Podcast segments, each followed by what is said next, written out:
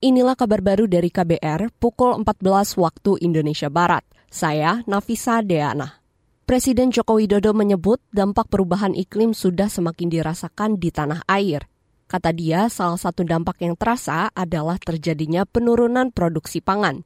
Presiden menyampaikan itu saat sambutan pada pertemuan tahunan Bank Indonesia pagi tadi.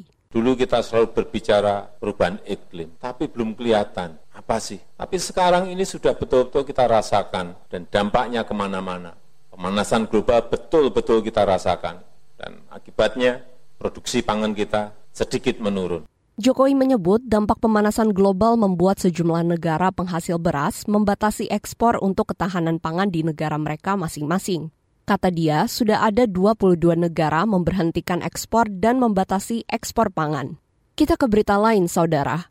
Komisi Pemberantasan Korupsi KPK menyerahkan panduan implementasi pendidikan anti korupsi atau PAK kepada seluruh mitra pemangku kebijakan dan jejaring pendidikan. Ketua KPK sementara Nawawi Pomolango mengatakan panduan ini merupakan upaya yang tertuang dalam strategi nasional pendidikan anti korupsi yang merupakan dokumen akademis untuk mensinergikan gerak langkah seluruh pemangku kepentingan dalam mengimplementasikan pendidikan anti korupsi. Ranas PAK ini kemudian diturunkan menjadi dokumen yang lebih operasional dalam bentuk panduan implementasi PAK.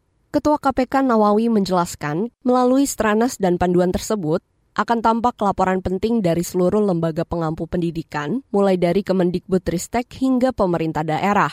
Kata dia, panduan ini untuk pendidikan karakter dan budaya anti korupsi.